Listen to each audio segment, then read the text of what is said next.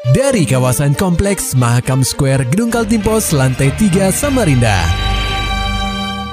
96,8 KPFM Kita akan ikuti program KP Flash News.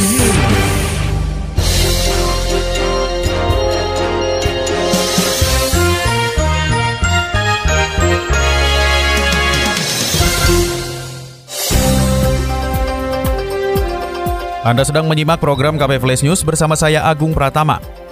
Pendengar KP, Pemprov Kaltim terus berkomitmen agar seluruh rumah sakit atau RS yang ada di benua Etam dapat memenuhi standar akreditasi rumah sakit. Akreditasi rumah sakit sendiri menjadi syarat utama untuk memastikan mutu layanan dan keselamatan pasien sesuai dengan standar kelayakan yang ditetapkan oleh Kementerian Kesehatan Republik Indonesia.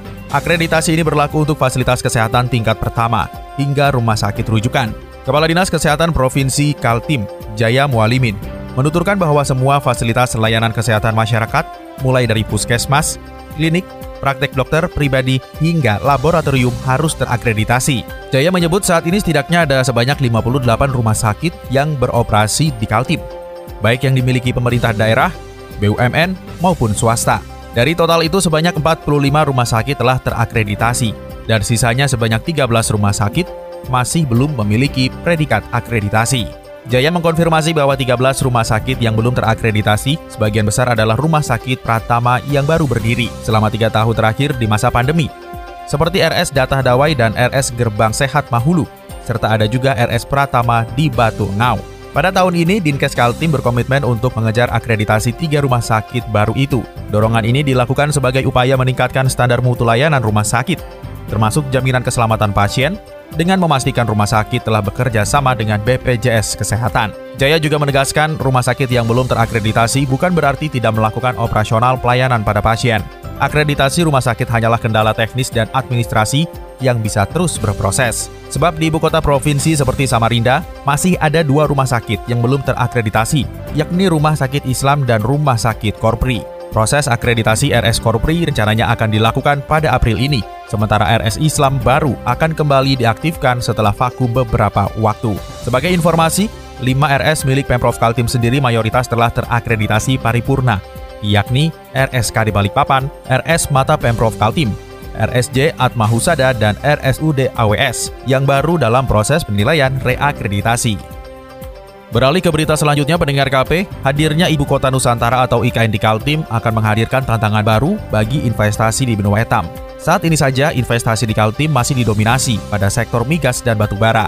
Dengan hadirnya IKN, maka Kaltim dituntut untuk dapat memaksimalkan investasi di sektor non-migas, non-batu bara. Kepala Dinas Penanaman Modal dan Pelayanan Terpadu Satu Pintu atau DP MPTSP Kaltim, Pugu Harjianto, menyampaikan tantangan investasi yang dihadapi pada tahun ini akan berfokus pada hilirisasi dan kolaborasi UMKM dengan usaha besar. Hukum dorong agar pelaku usaha di Kaltim siap dengan hal ini, dengan meningkatkan kualitasnya. Artinya, jangan sampai pelaku usaha di Kaltim hanya mampu memberikan kontribusi kecil kepada investor besar yang akan hadir. Buku mengatakan saat ini Pemprov Kaltim tengah mendesain dan memastikan investasi itu memiliki jangka panjang di Kaltim supaya mereka dapat bertahan hingga 60 sampai 70 tahun ke depan kita mau menarik investor terkait pangan, baik bahan baku tidak siap itu juga proses. Jadi itu pernah terjadi. Saya pernah ngawal cepat masuk bahan baku ternyata kita hanya mampu separuh pada pabriknya. Satu tahun dua tahun kemudian dia bergabung. Ini salah satu contoh. Jadi ini yang penting yang menjadi uh, kita konsen bahwa uh, desain daripada pengembangan teknis uh, sektoral ini harus bisa memastikan investasi yes tapi long termnya jangka panjangnya uh, harus juga uh, betul bisa dipastikan uh, aman. Supaya mereka investasi tidak bisa sekarang nanti uh, IKN saja pak. Kerjasama itu bisa sampai diberikan toleransi 30 sampai 60 tahun pak banyak. Apa yang terjadi ketika begitu investasi dia satu tahun dua tahun kita terus nah ini harus tantangan kita sih Sampai saat ini Pugu menyampaikan para investor juga sedang mencari posisi atas keberadaan IKN di Kaltim. Contohnya dari Malaysia yang telah mengunjungi Kaltim sebanyak lima kali. Investor dari Malaysia ini nantinya berniat untuk membuat sesuatu yang simpel, seperti tempat untuk produksi roti. Melihat hal itu, Pugu berharap agar pelaku usaha di Kaltim tidak boleh kalah dan harus siap dalam menyambut kehadiran investor besar dengan hadirnya IKN di benua etam, sehingga tidak kalah dalam memenuhi kebutuhan masyarakat nantinya.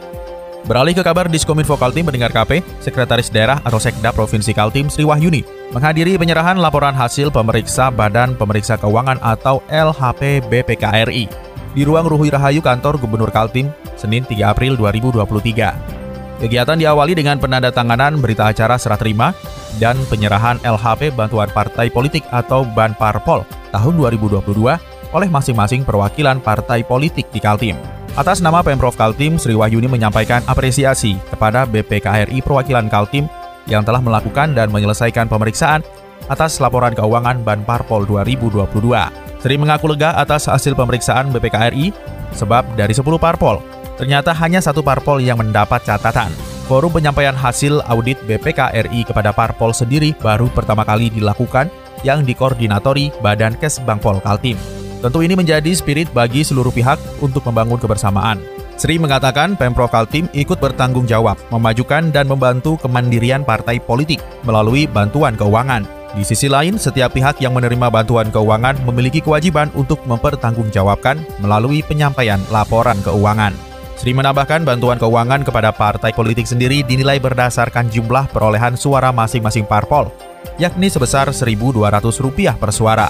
Tetapi pada tahun ini nominalnya meningkat menjadi Rp5.000 per suara.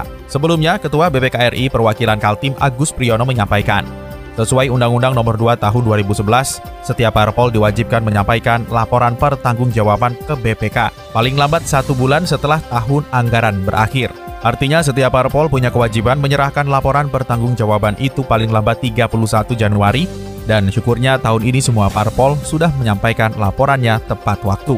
Agus berharap hasil positif seperti ini bisa dipertahankan untuk tahun-tahun berikutnya, sehingga laporan pertanggungjawaban sudah disampaikan sebelum masuk bulan Februari. Beralih ke berita selanjutnya, pendengar KP, pengaruh inflasi Pemprov minta dukungan Pertamina jaga pasokan BBM saat Ramadan dan Idul Fitri. Laporan selengkapnya akan disampaikan reporter KPFM Samarinda, Muhammad Nur Fajar. Pemprov Kaltim berkomunikasi langsung ke Pertamina dalam upaya menjaga rantai pasok bahan bakar minyak atau BBM selama Ramadan dan menjelang Idul Fitri. Terlebih, dampak kenaikan BBM juga diakui mempengaruhi distribusi bahan pokok di Kaltim dan berdampak pada angka inflasi. Menyikapi hal itu, Sekretaris Daerah atau Sekda Provinsi Kaltim Sri Wahyuni secara langsung meminta dukungan Pertamina Regional Kalimantan agar dapat menjaga pasokan BBM di benua etam terutama saat Ramadan dan menjelang Hari Raya Idul Fitri. Menurut Sri, Pertamina sangat menyambut baik koordinasi yang dilakukan Pemprov Kaltim dan siap melakukan pembahasan selanjutnya untuk menjaga pasokan BBM saat ini. Dari segi distribusinya tadi udah lancar aja, apalagi kemarin kan ada kenaikan BBM solar juga. Ya. Itu ada pengaruh nggak? Ya, sedikit banyak tentu itu ada pengaruh. Nah, terkait dengan inflasi pasti juga terkait dengan uh, dukungan transportasi ke BBM juga penting ya. Makanya kemarin kita juga di high level meeting pengendalian inflasi kita hadirkan dari unit Pertamina dan mereka sudah membuka diri apa yang menjadi kendala itu nanti akan menjadi bahasan khusus untuk BBM ya. Pada intinya, Sri Wahyuni menyatakan Pertamina juga ingin pasokan BBM di seluruh daerah terjaga dan dipastikan dapat dirasakan seluruh masyarakat. Mereka juga sudah membuka diri tentang apa yang menjadi kendala dan hal itu nantinya akan menjadi pembahasan khusus antara Pemprov Kaltim dan Pertamina. KPFM Samarinda, Muhammad Nur Fajar melaporkan. Pendengar KP, hadir di Samarinda kira pemilu 2024 jadi momentum tingkatkan partisipasi pemilih. Berikut laporannya akan disampaikan oleh rekan kami, Maulani Alamin. Komisi Pemilihan Umum atau KPU Samarinda bersama jajaran pemerintah kota menyambut kedatangan kirap pemilu 2024 pada Minggu 2 April 2023. Diinformasikan, kirap pemilu 2024 telah berangkat dari Kaltara pada 14 Februari 2023 lalu.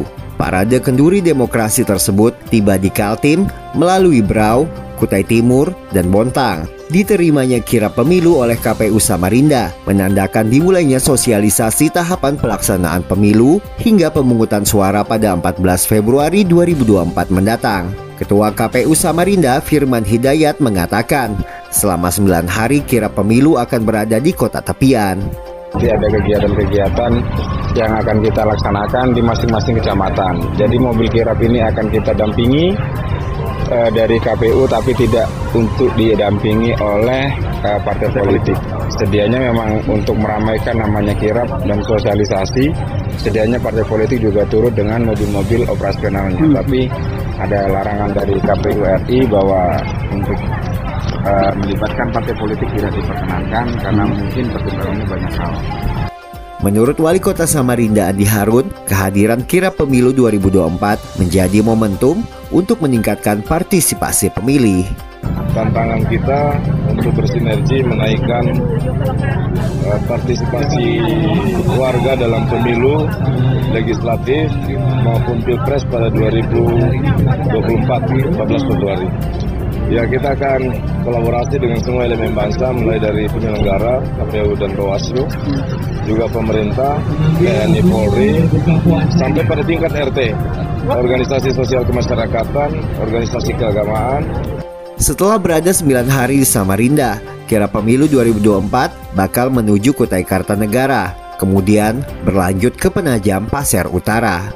KPFM Samarinda, Maulani Al-Amin melaporkan. Maulani Alamin, Muhammad Nur Fajar, KPFM Samarinda.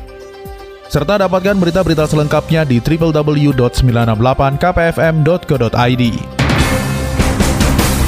Demikian tadi telah kita simak rangkaian berita-berita yang terangkum dalam program KP Flash News. Persembahan dari 96,8 KPFM. Terima kasih dan sampai jumpa.